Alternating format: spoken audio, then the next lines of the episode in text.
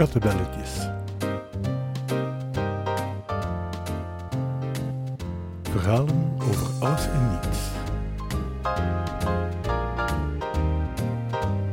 Door Wolfgang C. Lupus.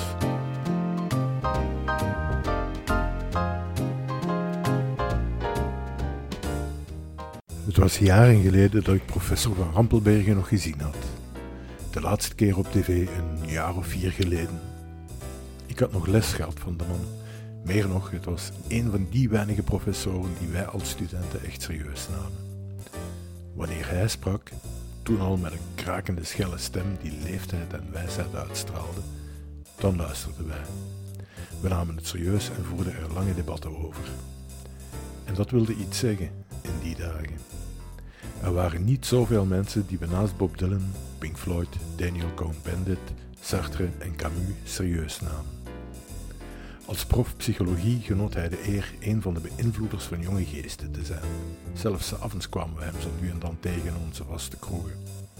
In de vakbar, het roosje aan de vismarkt, waar matrassen lagen in plaats van stoelen, voelde hij zich even goed thuis als in de grote aula. Toen hij jaren later wereldberoemd werd als schrijver en tv-persoonlijkheid, stoten we elkaar aan, telkens we hem op tv zagen. Kijk, zeiden we dan, dat is die prof waar ik nog les van gehad heb.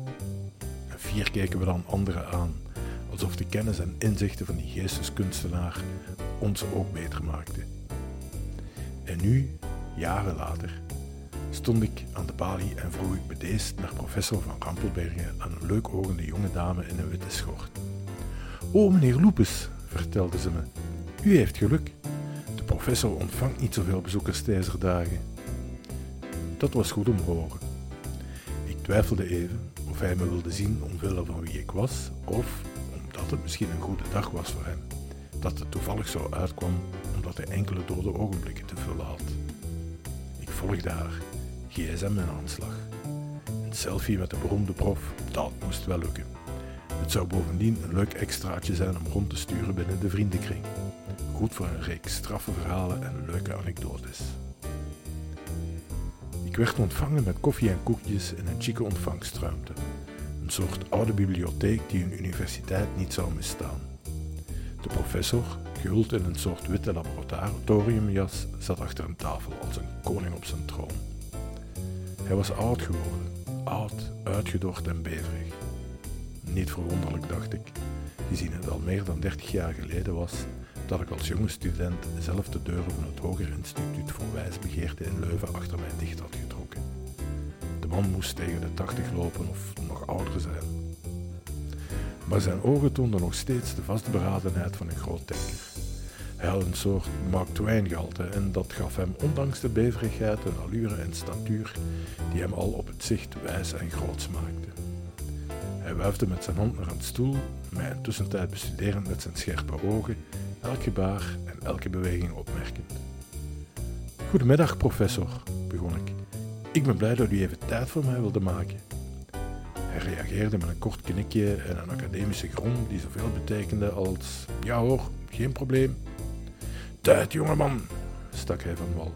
Tijd is de bron van alle kwaad, de doder van de ziel, de dwangbuis waarin een mens zich nestelt en die hem zonder dat hij het beseft verstikt. Tijd. Tijd. Daar was ik even niet klaar voor. Het was zijn aankondiging dat er een college ging volgen. Zoveel herinnerde ik me zeker nog. Die pedante toon en die bijna arrogante zelfzekerheid maakten duidelijk dat hij iets te delen had met zijn publiek.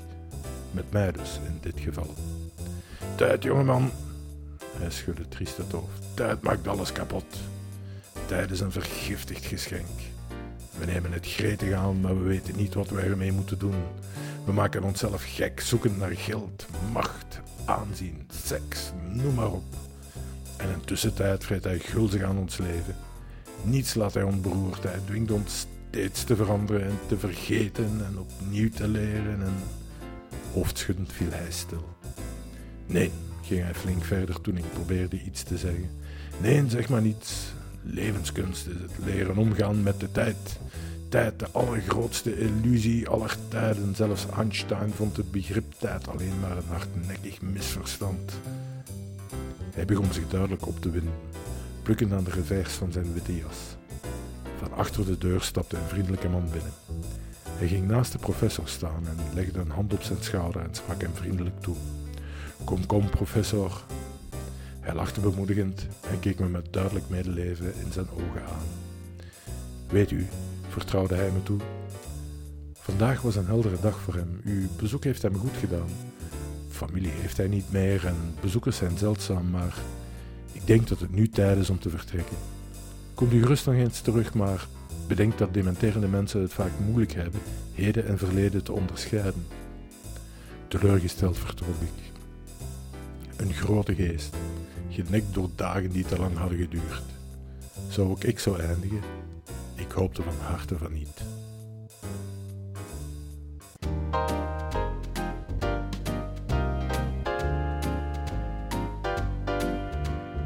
Kattenbelletjes. Verhalen over alles en niets.